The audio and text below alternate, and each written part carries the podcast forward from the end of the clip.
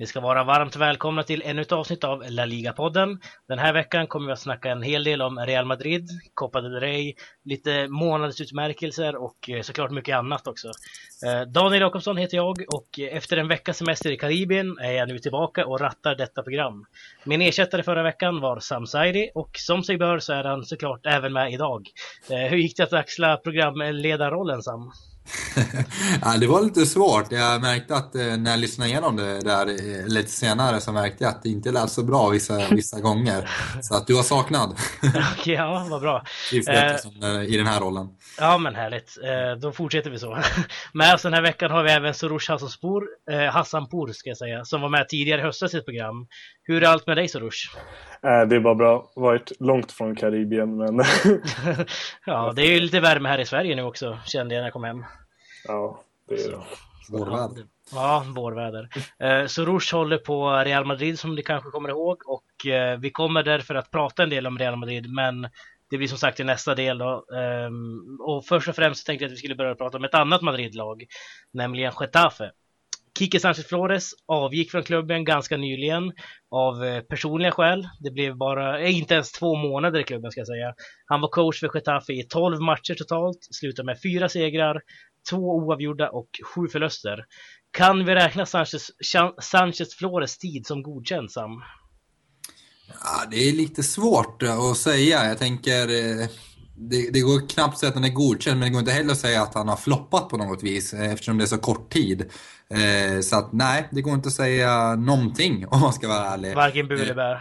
Nej, varken bu eller bä. Förutom att han kanske har eh, inte fått till en slags kontinuitet i spelet, någon slags jämnhet, utan Getafe går och vinner och förlorar, vinner och förlorar. Så att, eh, nej, det är bara att fortsätta som att Getafe bara fortsätter på det spår man alltid har varit på. Mm, jag tänkte precis säga det, Getafe är ju en sån klubb också, det ska man komma ihåg. Ibland sticker de upp vinner med 4-0 mot Barcelona liksom, som de gjorde i Copa del Rey för några år sedan. Sen förlorar ja. de med 7-1 mot Vallecano eller någonting liknande.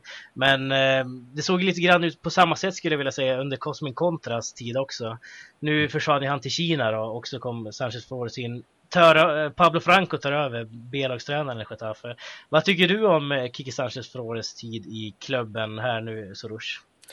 Eh, egentligen finns det inte mycket att säga efter två månader, men ja, som Sam var inne på, jag tycker inte förväntningarna egentligen var särskilt höga, speciellt när man ser till de undvek ju knappt nedflyttning förra året och med ganska få satsningar så Mm. Tycker jag ändå att det har gått bra. Sen, sen kan man ju titta på tabellen så har de ändå släppt in rätt få mål under hela säsongen. Så det är väl ändå ganska bra för mm. Getafe liksom. Precis, det är en ganska rör, alltså rörig klubb kan man ju säga också mm. här med Angel Torres och nya mm. ägare på gång hela tiden. Pedro Leon som är knappt har spelat någonting i år på grund av mm. allt som hände där. Um, Å, ja. å, andra sidan, å andra sidan så, ja, han åkte ändå på sju förluster så att eh, han förlorade ändå mer än vad han vann. Men å andra sidan så hade han väl någon avgjord där också som eh, väger upp det. Så att eh, om, det, om man ska ändå dra det mot, mot, mot, något håll så skulle det ändå vara mer mot det negativa och icke godkända hållet än godkänt. Mm, men vad tror du om Getafe generellt då? Har de någon chans liksom att närma sig toppen med en spelartrupp de har nu? Eller är man liksom, man, är man ett vanligt mittenlag Sam? Nej, man är ett vanligt mittenlag. Eh, Getafe har strukturella problem eh, genom hela klubben skulle jag vilja säga. Eller man, man behöver inte se det som en, ett problem heller, utan de har blivit ganska stabilt La Liga-lag på ett sätt. Men å andra sidan så har vi varit inne på det kaoset runt omkring klubben där man, ja, där ena dagen ska en rik iranier köpa upp klubben och å andra sidan så står Dubai på tröjorna eller att de ska mm. heta Team Dubai. Så det, det, det är lite oklar klubb och sen är den ju ganska eh, ja, det, det verkar lite tråkigt på Colosseum Alfonso Perez, eller vad heter det? Alfonso Perez. Ja. Alfonso Perez, ja. Eh, det är knappt fullsatt någon match. Det är väl typ mot Real Madrid och Barcelona det är fullt. Det är väl landets, eh, en av landets sämsta publiksnitt så. Ja, precis. Och det kan ju delvis bero på att Getafe ligger ju eh, i ett lite drabbat område, i utkanten av Madrid då, eller där i, ja, det är en lite lägre klass. Men å andra sidan är ju Vallecas också det, så att det är kanske inte är ett argument riktigt, men så att det kanske är lätt här att sitta och säga varför inte spanjorerna går på matchen. Men jag tror snarare det ligger på att Getafe, eh, jag vet inte, saknar en slags identitet. Ja, Precis. Eh, du var inne på Vallecas här och jag tänkte vi skulle hoppa på det tåget också. Rayo Vallecano fick ju storstryk med 6-1 mot Barcelona. Eh, efter matchen så gick Andres Iniesta, eller Anders Iniesta som Arne Hägerfors sa, att eh, det är dels ett privilegium att få spela med Xavi Hernandez på mittfältet, men att han ibland känner att de två kanske inte ska spela samtidigt. Vad menar han med det, Soroush? Jag, jag tror i alla fall att han syftar främst på att de, deras förmågor och eh, rollen på plan överlappar varandra rätt mycket. Speciellt när man ser till Barcelona nu för tiden när varken Xavi eller Iniesta egentligen lika dominanta som de en gång i tiden var så kan jag tycka att ja, Rakitic behövs där på mittfältet om man ser till det. Mm. Det finns ett tomrum som de två inte längre kan fylla. Mm, håller du med Sam? Eh, ja, absolut. Jag delar den analysen helt klart. Sen ska jag också komma ihåg att det var även så förr, liksom, under Guardiola-tiden. Vi, vi får inte glömma att eh, under Guardiola-eran så spelade ju en viss Seydou Keita väldigt mycket bredvid antingen Xavi eller Iniesta. Som, så det fanns en slags, har alltid funnits en, en slags rotation. Eh, och det gällde även liksom, eh, under Rijkaards tid när, när Deco spelade ofta med en tvåvägsmittfältare som van Bommel bredvid sig eller ja, eh, någon liknande spelartyp. Mm. Och, så att det, det, är, det är någonting Barca alltid haft behov av. Sen ska vi också, men sen, sen är det ett märkligt uttalande för att när Barcelona ändå spelar som bäst kan jag tycka, alltså när de har varit helt outstanding, då, då har ändå de här båda funnits på plan. Mm. Eh, jag tänker framförallt 5-0 matcher mot eh, Real Madrid eller många andra CL-finaler mot eh, eh, Manchester United och många andra mm. vanliga ligalunkmatcher. Eh, så när Barcelona som lag har fungerat så har även Iniesta Xavi tillsammans fungerat. Men fort lag inte, inte är lika bra, då kanske man fuskar lite i hemarbetet och, man tar, och då, då, behövs den här Keita-typen slash Rakitic-typen. Mm. Eh, så håller här... du med Iniesta eller inte här? Eh, ja, och jag håller med honom, inte, jag håller med honom just på grund av att Iniesta, eller jag håller med honom för att Iniesta på senare år nu då, när Xhava blev gammal och Iniesta har fått en liten ny roll. Han, det blir nästan blivit som att han har tagit över Chaves roll att komma ner djupare i banan och hämta boll. Eh, för att Barcelona har fått en slags trio där framme som kräver väldigt mycket off, eh, alltså offensiv, alltså de, de tar mycket plats i offensiven.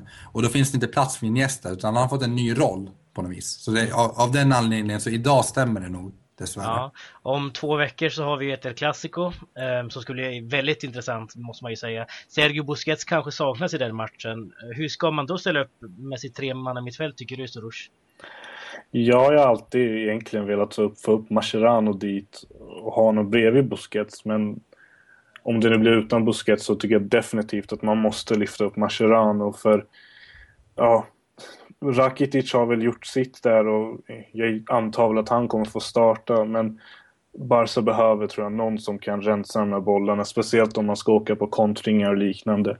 Mm. Vi såg ju i förra, i höstas, att ja, Bar Barca åkte på framförallt det tredje målet, jag vet inte om ni minns det, jag satt och tittade på det idag, mm. eh, någon prakt, praktkontring och där behövs mm. åtminstone två balansmittfältare eller något mm. i den stilen. Hur skulle du formera ditt mittfält här Sam? Jag skulle också flytta, eller flytta upp Mascherano helt klart på pivotrollen och sen hade vi kört Rakitic och Iniesta där, utan tvekan. Eh, sen så är jag ju... Inte Xavi. Nej, inte Xavi. Sen är jag stort fan av Busquets, så att jag hoppas ju, eller Busquets ska ju spela när han är frisk, för att mm. han är som skräddarsydd för den rollen i Barcelona. Mm, härligt. Eh, väldigt kort nu då, vi har en minut på oss här nu. Vem är, apropå att Kiki Sanchez Flores här nu försvann, vem är nästa manager att få sparken eller lämna tror du Soros i La Liga? Uh, nej, jag har verkligen ingen klar bild av det. Det känns som det är Granada eller Cordoba som där det kan ryka, men jag, jag, vet faktiskt inte. Det, det kan, allting kan hända känns det som. Ja, där nämnde du två klubbar som faktiskt har sparkat sin manager en gång mm. under säsongen. Um, vad tror du då Sam? Kan exempelvis, um, jag vet inte, Victor Fernandes i Deportivo ligga risigt till? Nej, då tror jag nog Ignacio Martinez i Almeria ligger mer eh, risigt till, även om de också uh, Kickade uh, Francisco där ja. Precis. Mm. Men det är ju de där bort, oh, jag vet inte, ja, kanske är Depor ändå. Uh, för Djukic och Resino är också ganska nytillsatta i Granada Cordoba. Så att Ja, du har nog en poäng där Daniel. Jag håller med. Viktor, eller jag håller med, inte om du tror det, men eh, jag, jag fyller i det du sa där. Jag tror nog Victor Fernandes är den som ligger mest risigt till om resultaten fortsätter gå negativt nu då. Mm, perfekt. Det tror jag inte kommer hända, men det kan hända, vad vet. Mm. Um, vi ska sätta stopp för del 1 och när vi är tillbaka så ska vi snacka om ett annat lag som ligger lite risigt till just nu, nämligen Real Madrid.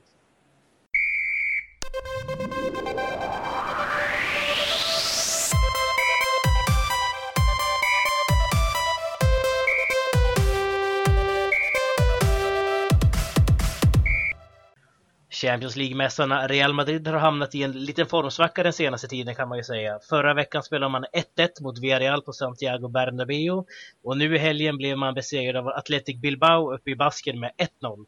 Först och främst Soros, berätta om eh, matchen mot Athletic Bilbao.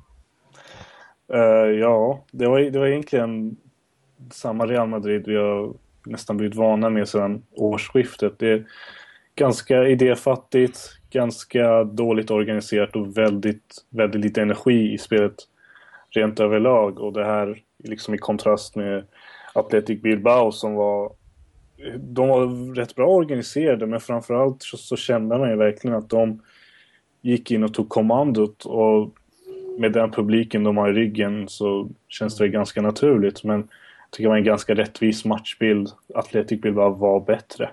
Mm. Håller du med Sam? Tycker du att um, resultatet speglar hur matchen såg ut? Ja, det gör det och det beror, skulle jag säga, framförallt på, på uppladdningen känns som. Inte uppladdning kanske, men just den här taggningen och in, inställningen på något vis. Och det har väl mycket det Sorush är på.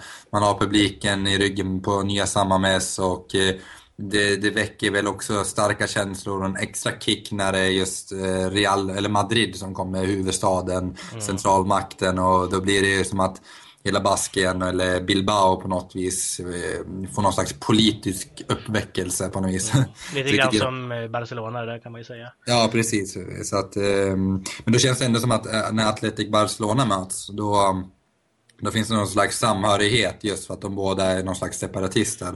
Men just när Madrid kommer, då känner, tycker jag personligen då att de höjer sig extra mycket när det är Real Madrid. Mm. Men det är kanske bara jag som tänker så. Ja, men det var det jag menade, att när ja. Real Madrid besöker Katalonien, inte när Barcelona... Ah, okay, okay, ja, ja. men det stämmer. Ja, men vad, vad, betyder förlusten i det långa loppet då, tror du, för Real Madrid här Soroush? Tror du att det här kan kosta dem till och med titeln? Alltså, jag tror inte ligan är avgjord, för vi, vi fick ju se framförallt i år, eller vi har fått se i år, men framförallt förra året att det vänder ju så otroligt mycket och även om Atletico nu kanske inte är med i racet så kommer de fortfarande ha med ett finger i spelet och jag, jag, känner att det lever. Jag tror Barca har väl fortfarande flera borta, jobbiga bortamatcher kvar. Då, då finns det väl en öppning för Real, men då, då gäller det ju att vinna nästan från nästa match tills ligaslutet och det, det är väl väldigt svårt. Mm, precis, det finns ju inga lätta matcher eh, som du var inne på här. Men mm. vad tror du Sam? Tror du att den här förlusten skadar väldigt mycket mer än bara tre poäng för Real Madrid? Ja, jag tror den kommer skada mer än bara just tre poäng. Men jag tror inte ligan är avgjord. Men den kommer skada mentalt just för att man nu blir passerad av Barcelona.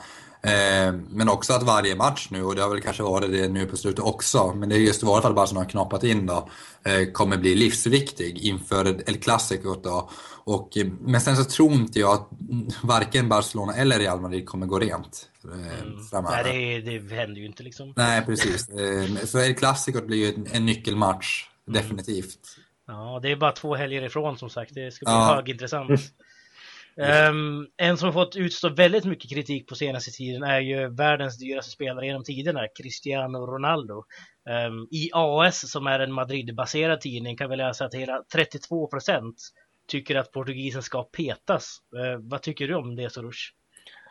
Jag tycker det är rätt orättvist, men sen är det ganska naturligt att ja, vad ska man säga, hammaren faller på Ronaldo. Han är ju, mm. han är ju den han är, men jag tycker inte det går att skylla på någon individuell spelare som spelet ser ut just nu. Nej. Och, ja, och sen, ja, man, man, kan, man kan lika gärna egentligen bara skylla på Benzema, lika gärna skylla på Bale och resten av laget. Det är verkligen ingen som har levt upp till samma standard. Så jag tycker det är orättvist att peka ut honom, men man måste, ha, man måste ha förståelse för att det sker. Liksom. Mm, värt att notera att eh, Bale fick 46 procent i samma omröstning mm. och Benzema tror jag hamnade på 23 eller något liknande. Så man tyckte att Benzema skulle ha en given plats mer än Ronaldo och Bale mm. exempelvis. Vad tycker du Sam? Tycker du att Ronaldo ska petas från Real Madrid? Nej, han ska inte petas och det är väldigt orättvist att nu för att det går dåligt, eller lite sämre, Eh, så, pekar, så pekar man liksom ut storstjärnan som gör alla mål. Eh, och det är lite dåligt för att det här handlar ju om en kollektiv dipp helt enkelt. Mm. Eh, men sedan så tycker jag däremot att det är med risk att eh, väcka lite starka känslor, uppröra känslor nu, så, så anser jag, och det här är till och med när Ronaldo kanske gör massa mål och är i sting som han var i höstas, så har jag någonstans alltid tyckt att i själva spelet är Ronaldo relativt överskattad. Och det mm. har han alltid varit. Eh, okay. och, utan, och då menar jag att när han, även om han gör ett hattrick, han är en otrolig målskytt. Äh, målskytt. Han, är så, han har en otrolig förmåga att hitta och skapa sådana här, eller komma fram till målchanser. Men om vi ska vara riktigt ärliga, i spelet är inte Ronaldo så, all, alltid så himla delaktig, till och med när laget går bra. Utan han, han löper rätt, han är väldigt effektiv i sin spelstil. Och därför så är det lättare att hacka på honom nu när resultaten inte är, eh, liksom, är på plats. Men sen när resultaten kommer, då glömmer man ofta bort det. Man tänker inte på det, för han gjorde det i sina tre mål eller någonting. Och det är det här jag menar, att statistik kan förblinda liksom, eh, en spelares förmåga. Eh, men sedan såklart, han har ju också dippat nu lite i, i, i spelet också, om man beror på vart han ligger just nu. Men att, eh, det är ändå en Ballon d'Or-vinnare vi liksom pratar om här. Vad mm. tycker du? Håller du med Sam om den här analysen av eh, Ronaldo Soros?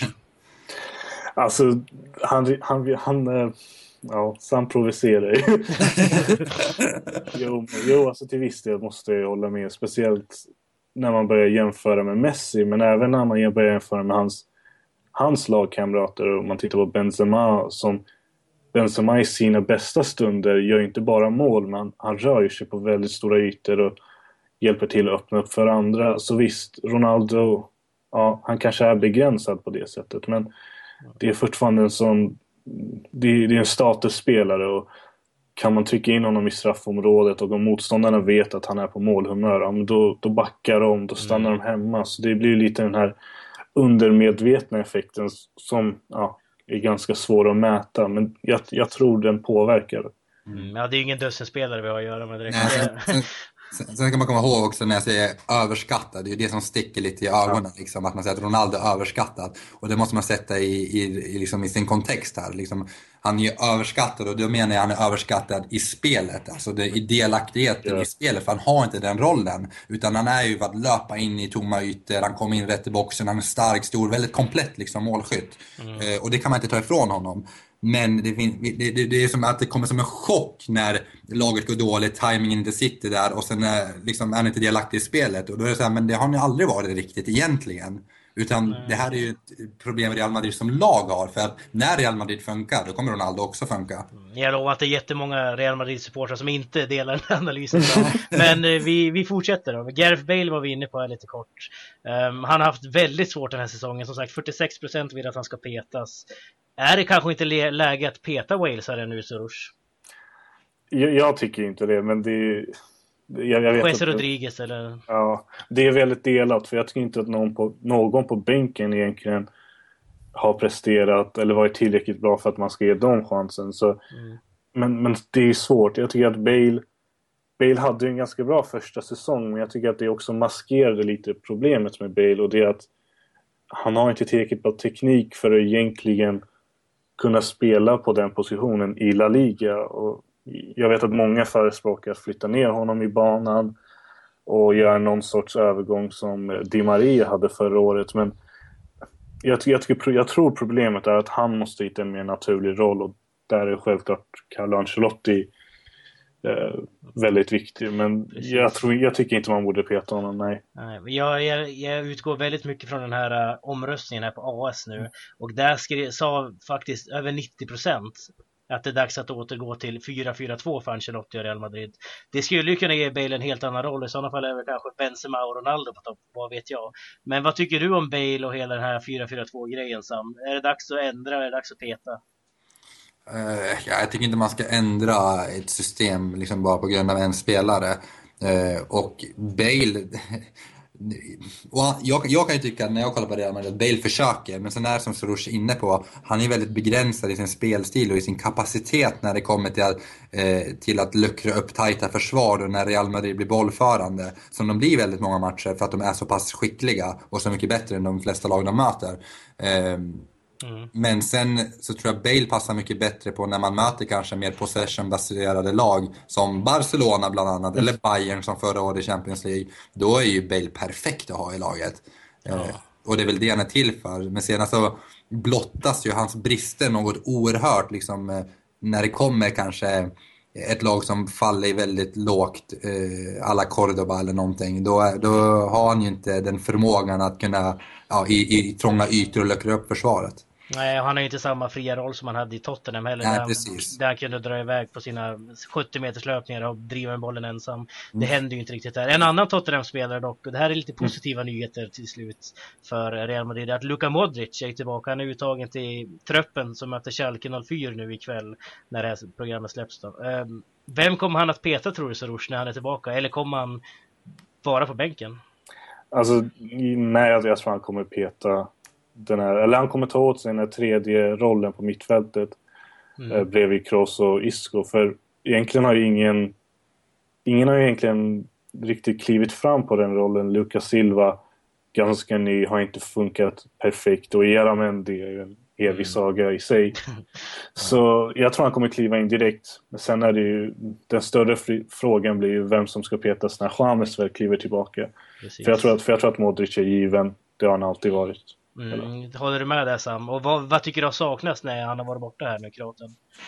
Um, först och främst så, ja, jag, jag, tror inte han kommer starta för nu har nog Soros mer eh, insyn i Real Madrid än vad jag har. Jag vet inte om det har kommit uppgifter om det, men jag skulle bli nästan lite chockad om han startar. Han har precis kommit tillbaka. Ja, jag tänkte nu mer ah. långa loppet här. Ja, exakt. Ah, okay, ja, men jag tänker mot Schalke kommer han ju inte starta i alla fall. Nej, Nej kanske inte. Nej, men, eh, eller det skulle vara kul i alla fall att se. Men, men om han är frisk tror jag han kommer starta. Absolut, och i det långa loppet så har han ju saknats något oerhört skulle jag vilja säga.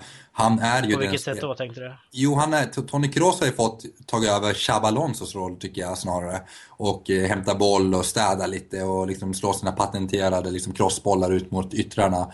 Luka Modric är ju den här driv, alltså drivaren på mitten, drivkraften som kommer hämta boll, kanske driva upp bollen några snabba meter, skapa sig en yta och liksom visa någon slags kreativitet. När kanske Ronaldo eller Bale inte liksom kommer loss, eller Benzema för den delen. Då är det ju Modric som ska fylla den rollen. Eh, nu har ju Isco gjort det väldigt bra tycker jag och får man in Modric in i den ekvationen, eller kan lösa den ekvationen och både Modric och Isco och på något vis ha Kroos ligga bakom, då kan det bli väldigt intressant. Mm, vad tycker du har saknats medan eh, Modric har varit borta, Soros? Alltså jag, jag skriver under på det helt, det som säger. För speciellt om man tittar på till exempel helgens match, match mot Bilbao och sen helgen innan mot Villarreal så blir det väldigt ofta att Ronaldo, Benzema och Bale blir helt isolerade. Och Isco, Isco är en fantastisk spelare och jag vet att folk brukar reagera, speciellt Real Madrid-fans nu, men han är inte alltid den som kan driva spelet framåt för han har inte riktigt samma beslut. Han, han är inte riktigt dukt, lika duktig på att fatta de här stora besluten. Mm. Mm. Och där blir Modric så viktig, för Modric har förmågan med god självförtroende att ta bollen, kanske göra en spelare, men det är tillräckligt för att få motståndaren att röra på sig och det är då Bale kan kliva fram, det är då Benzema och Ronaldo kan göra det.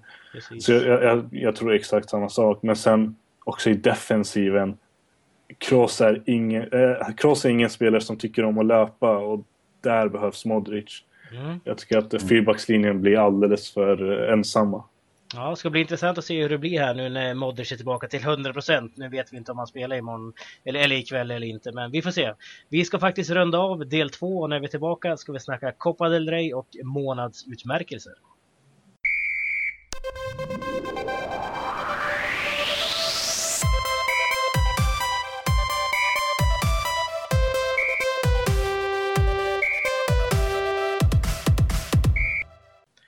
Förra delen handlade om Real Madrid och jag tänkte även att vi skulle börja där i del 3. Real Madrid gick ju aldrig till någon Copa del Rey-final i år då Atletico Madrid blev för svåra i åttondelsfinalen. Men klubben ser ändå ut att vilja försöka påverka vart finalen ska spelas och äga rum. Finalen mellan Barcelona och Athletic Bilbao kommer inte att få spelas på Santiago Bernabéu om Los Blancos får bestämma. De har nämligen lagt in ett veto mot det till det spanska förbundet. Vad tycker vi om det Sam? Förståeligt. inte alls oväntat utan väldigt väntat. Eh, jag hade nog känt exakt likadant om jag, likadant om jag var Real Madrid-supporter. Precis som eh, jag kan tänka mig att många Real Madrid-supportrar helst hade velat sett en eventuellt Copa del final på Camp Nou mm. mot Atletico Madrid eller någonting, inte vet jag. Ja. Eh, men ehm, ja, vad tycker man? Jag tycker att det är kanske är lika bra att det inte spelas där. Jag tycker det skulle vara roligt om Barcelona får vinna en titel på liksom den största ärkerivalens hemmaborg. Men å andra sidan förstår jag ändå den politiska dimensionen, för det är det det handlar om här. Ehm, och det handlar inte om Barcelona just för att det är Bilbao också, så det blir så dubbelt på något vis. ja, um, man ska bua ut huvudstaden i huvudstaden på kanske den hemmaborg som associeras allra mest med centralmakten. Så att här kanske bara blir kaos. ja, precis. Det är extra intressant är att säga att Barcelona faktiskt önskade och mm. bad förbundet att lägga matchen just på Santiago Bernabéu. Um, jag vet inte, vad tycker du om hela den här soppan Soroush? Alltså eh, bara rent objektivt sett så hade det varit häftigt att se. Alltså bara den scenen och ja, mm. jag vet inte. Det, det är ju kaosartat på ett sätt som man nästan måste älska. Men mm. ja, jag, håller, jag håller med. Det, jag, jag såg att Rafinha i Barcelona så sa något i stil med att ja, Barca-fansen hade inte velat se Real Madrid vinna på Camp Nou. Så han tyckte det var en ganska naturlig reaktion. Och det mm. tycker jag med. Jag tycker att det, det, är Real Madrids rätt att neka tillgången. Men jag, förstår den, jag förstår den fullt ut egentligen. Ja. Tror du man är rädd någonstans i Madrid här nu? Nu tänker jag staden Madrid. Det för senast Athletic Bilbao och Barcelona möttes i just Copa del Rey så buade man ju ut nationalsången väldigt hårt. Och jag tror båda klubbarna dessutom blev bestraffade därefter. Men eh, i det långa loppet då, kan man tycka här nu Sam att en klubb, en enskild klubb kan kliva in och säga att nej, ni spelar inte på vår arena. Kan man göra så? Ja, egentligen inte, men sen så är det ju, måste man ta det här fall för fall. Det här är ju en väldigt speciell situation och ett väldigt speciellt fall och just därför så kan man göra det. Jag tror inte Real Madrid hade haft några problem alls om det handlade om liksom Sevilla mot Valencia eller någonting. Mm. De, hade lika, de hade fått spela där. Så att, eh, men det blir väl lite problematiskt om liksom, ja, alla klubbar ska kunna gå in och eh, sätta in någon slags veto bara för att det är fel lag i finalen till, enligt dem. Men, mm. För det kan man ju liksom applicera på många olika derbyn. Jag tänker, ska Sevilla gå ut och säga att det inte är bättre att spela på Sanchez Pizjuan? Ja, kanske, jag vet inte. Mm, vad tycker du Soros? Tycker du det är rätt att Real Madrid sätter ner foten här? Alltså, de har ju rätten, men jag tycker att skulden får nästan falla på förbundet som inte har bättre organisation i det hela. Och man, tycker, man tycker nästan att det här borde ha bestämts redan innan säsongen att det, det, är, liksom, det är Santiago Bernabéu som gäller ja. oavsett lag oavsett det. Men nu lämnar de ju där, den där lilla luckan och det är klart om Real Madrid får bestämma, vilket de får, så det är klart de, det är klart de kommer tacka nej och sen, sen finns det så många kulturella aspekter här som vi kanske inte förstår här i Sverige som är mm. väldigt svåra att förstå sig på. Mm. För... Det är klart, det blir liksom eh, väldigt problematiskt här om folk ska kunna tacka nej. Men å andra sidan, det är exakt som du säger, förbundet här. Jag känner ju att ta England som exempel, där har man Wembley. Man, man strävar efter att komma till Wembley varje säsong. Varför har inte Spanien och liknande? Varför sätter man inte liksom arenan innan säsongen börjar? Man har samma arena år efter år. Nu, by, nu liksom väljer man arena först efter finalen har liksom lottats. Vilket jag tycker är fel i alla fall. Jag vet inte vad ni känner om det, men... Ja, men ska vi komma ihåg att England är kanske mer ett enat land också. Man kan ha en sån utpräglad nationalarena. Det kan inte Spanien ha. Nej. Liksom, det har ju med kulturella alltså, skillnader, politiska skillnader att göra. Wembley är ju neutralt också. Mm. Jag, jag, undrar hur de andra klubbarna skulle tycka om det. Om man till exempel sa att det är Santiago Bernabéu som gäller. Mm. Då kan man ju istället tycka att då får Real Madrid en lite orättvis fördel om de år på år kan spela på sin hemmaarena. Så jag tror det är fall till fall, speciellt när man inte har en neutral arena. Ja, Absolut. Eller slänga upp en neutral arena i liksom Zaragoza så har vi en nationalarena. Men då skulle det nog bli snack om att Barcelona har lite närmare till, ja, okay då. till Zaragoza än Madrid, inte vet jag. Fair enough. Men eh, vi kliver vidare här om Copa del Rey. Den spelas alltså 30 maj, avslutar hela fotbollssäsongen i Spanien. Vad tycker vi generellt om Copa del Rey här nu? Det är, det är ju en turnering där storlagen kliver in väldigt sent måste vi tillägga. Och det är inte alla som får med heller, det är bara professionella klubbar. Det är inte amatör, eh, amatörklubbar som exempelvis Tyskland eller England har. Utan det är bara professionella klubbar och La Liga-klubbarna kliver in väldigt sent som sagt. Är det en bra turnering det här tycker du Soroush? Jag tycker fortfarande om den. Det, den, har, den har fortfarande förmågan att verkligen liksom, ja, sätta upp de här speciella matcherna. Mm. Speciellt ja, för, för Real Madrid blev det ganska fint förra året men så länge, så länge det kan bjuda på den där atmosfären så tycker jag fortfarande om den och sen är det ju ganska klart att Real Madrid som klubb sätter extra högt värde i, i turneringen. Och, ja, mm. Vi har ju sett vad Barca och andra klubbar tycker. Ja. Jag kan ju känna att den här sidningsgrejen som man har kommit dig är lite orättvis. Jag tycker att alla ska kliva in i turneringen med samma villkor egentligen. Att exempelvis Barcelona och Real Madrid kan mötas på en gång. Uh, samtidigt som Alcorcon skulle kunna få möta, jag vet inte, Real Valladolid. uh, men, Eller Real Madrid. Ja, det har ju hänt tidigare. men vad tycker du om turneringen Sam? Ska man strukturera om den eller är den bra som den är? Ehm, man kan nog göra lite små justeringar men jag vet inte riktigt vad. Allt går ju alltid att förbättra alltid. Men samtidigt så håller jag med att den fyller en väldigt bra funktion idag. Den, har, den kan bygga upp härlig inramning och känslor. Sen ska vi komma ihåg att det är ändå den tredje största titeln ett spanskt lag kan vinna per säsong skulle jag vilja säga. Mm. Ehm, liksom, går man för en trippel då måste man ha den där Copa del Rey-titeln. Ehm, och ja, så att den fyller definitivt sin funktion. Ja, precis. Och nu är det ju kul för Athletic Bilbao exempelvis som i och med finalplatsen nu har säkrat sig till Europa League nästa säsong, vilket är en härlig biljett att få eftersom de troligtvis inte kommer kunna ta den via ligaspelet. Då. Ja, det är um, säsong där. Precis. Uh, vi kliver vidare. Valencias manager Nuno Espirito Santo blev utsedd till månadens manager i februari. Det här är alltså utmärkelser som kom för några år sedan i Spanien. Det har ju funnits exempelvis i England väldigt länge. Eh, vann han eh, utmärkelsen rättvist tycker du Sam? Ja, det, det gjorde han definitivt. Jag är väldigt imponerad av Espirito Santos och eh, Valencias form skulle jag vilja säga tala för sig själv. Vad har de? Är det fem, hur många matcher har de nu utanför? Fem, sex? Ja, jag vet inte riktigt. Fem, fem utan förlust. Ja, just det. De hade en oavgjord nu mot Atletico i helgen. Vilket i sig också är ett väldigt imponerande resultat på Vicente Calderon. Ehm, en förlust sen eh, 7 december så att säga. Ja, och många raka vinster. Så att nej, Valencia ska vi lyfta hatten för. Så att, eh, och Espirito Santos. Och Espirito Santos. Mm, håller du med Soros? Vinner han rättvist eh, utmärkelsen? Uh, det tycker jag. Jag tycker inte man kan... Det finns inte mycket man kan säga emot honom. Han har... Uh, det är, det är fruktansvärt imponerande vad han har lyckats bygga upp med Valencia som jag personligen inte alls skulle se liksom, nu är de en poäng ifrån Atletico. Det hade jag aldrig trott på försäsongen. Men Nej. sen om man, om man måste slå slag för någon annan så tycker jag Marcelino i Villarreal mm. mm. som är ja, lite samma, samma princip där. Han har ju verkligen lyckats bygga upp något speciellt.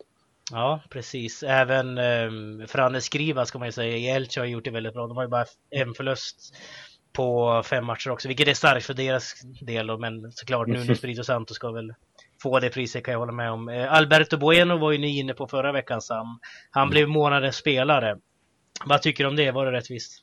Ja, efter den där uppvisningen eh, för, för förra, inte den här förra fyra mål så mm. bara det förtjänade ju det nästan. Sen har ni fortsatt med Eh, till och med i Barsas nu i storkrossen så var han väldigt vass. Eh, var väl den som stack ut, eh, ja, stack ut ganska mycket. Då, när var, men det ska man komma ihåg, Barcelona hade en fantastisk match nu men eh, Vallecano var inte dåliga. De bjöd upp och jag är otroligt imponerad av Paco Gemes eh, filosofi och hur man trots de här eh, liksom, genomklappningarna ändå tror så hårt på det och man spelar ändå bra. Sen kanske man är lite naiva, det är ju en annan sak jag tycka. Men nej, det tyckte jag också man kunde se när det kommer till Bueno.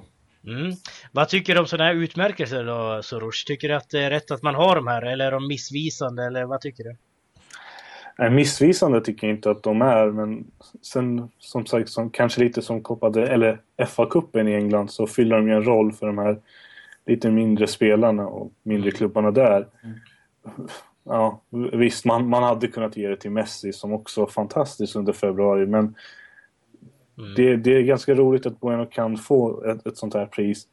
Speciellt när man... Eh, speciellt hur det har blivit nu på sistone att ja, årets sista sex månader så pratar vi om Ballon d'Or nästan konstant och mm. då är det skönt att de här lite mindre priserna delas ut. Precis, jag håller med dig. Vad tycker du Sam? Är det bra med de här utmärkelserna? Det är bra för oss tycker jag. Vi får något att prata om. Precis. Spekulera. Sen är alltid individuella priser i, sig något missvisande att det kanske exkluderar andra prestationer. Eh, och att de kanske hamnat i skymundan. Men jag tycker precis som Soroshin är inne på att det är kul för lite ja, mindre lag eller mittenlag, bottenlag som kanske någon spelare som inte har den här mediauppvakningen på samma sätt som kanske Messi och Ronaldo har eh, liksom kommer fram på något vis. Och att det kommer fram även i statistiken eller Eh, ja, i media och att det uppmärksammas och det tycker jag är jättebra faktiskt. Mm, precis, det är ju, där måste man ju säga att LFP har gjort det väldigt bra, alltså fotbollsbönd i Spanien. Där mm. man faktiskt delar ut priser, inte bara till Real Madrid eller Barcelona, utan det är ju faktiskt över hela ligan. Mm. Och det är ju skitbra tycker jag. Och det är bra och, det, och, man märker också att, eh, sen ska man komma ihåg att, som Soros inne på också, att ja, det är klart man kan ge en till Messi, men Å andra sidan så måste man ju sätta i relation till, mm. eh, till den förmåga man faktiskt har som spelare. Mm. Så kanske att Messi är helt outstanding, eh, så mäter vi honom med andra måttstockar. Men att Bueno gör det, det hade man inte förväntat sig och därför kanske det sticker ut mycket mer. Mm, helt rätt. Uh, vi ska avsluta programmet här nu, men innan vi gör det, Sam, så har du en veckolista för mig. Uh, ja, absolut. Och vi har ju varit inne på um, veckans, ehm, eh, veckans, eh, eller veckans säger jag, Nuno Espirito Santo som har gjort det otroligt bra med, med Valencia. Och därför tycker jag också han eh, förtjänar det. Eh, veckans Tokiero tänker du på? Veckans Tokiero menar jag, förtjänar veckans Tokiero. Mm. Eh, veckans Faubert däremot, eh, ja det måste jag tyvärr ge till Levante. Eh, jag vet inte varför jag säger tyvärr egentligen, för de har, inte fått mm. något riktigt. Nej. Än så länge. Deras defensiv vill jag peka ut, den är under all kritik. Man, och, det beror på två saker, eller en sak framförallt. För jämför man med Rayo Vallecano som också har släppt in lika många mål, 49 det vill säga, så finns det en skillnad. Vallecano var som jag var inne på, de blottar sig mycket mer, de har en helt annan filosofi. Men att Levante som ändå många matcher ligger väldigt lågt, man fokuserar väldigt mycket på försvarsspelet. Det är mm. där fokus ligger. De har misslyckats så mycket, eller så eh, liksom hårt med försvarsspelet, det är under all kritik. Precis, eh, det kan jag verkligen stryka under. Man minns ju själv för några år sedan när Levante var så stark med Bajsteros och de här lirarna. Mm. Så det är en jämtlappning. Precis. Eh, men vad tycker du om listan Soros? Kan du hålla med om den? Eh, absolut, men uh, Levante.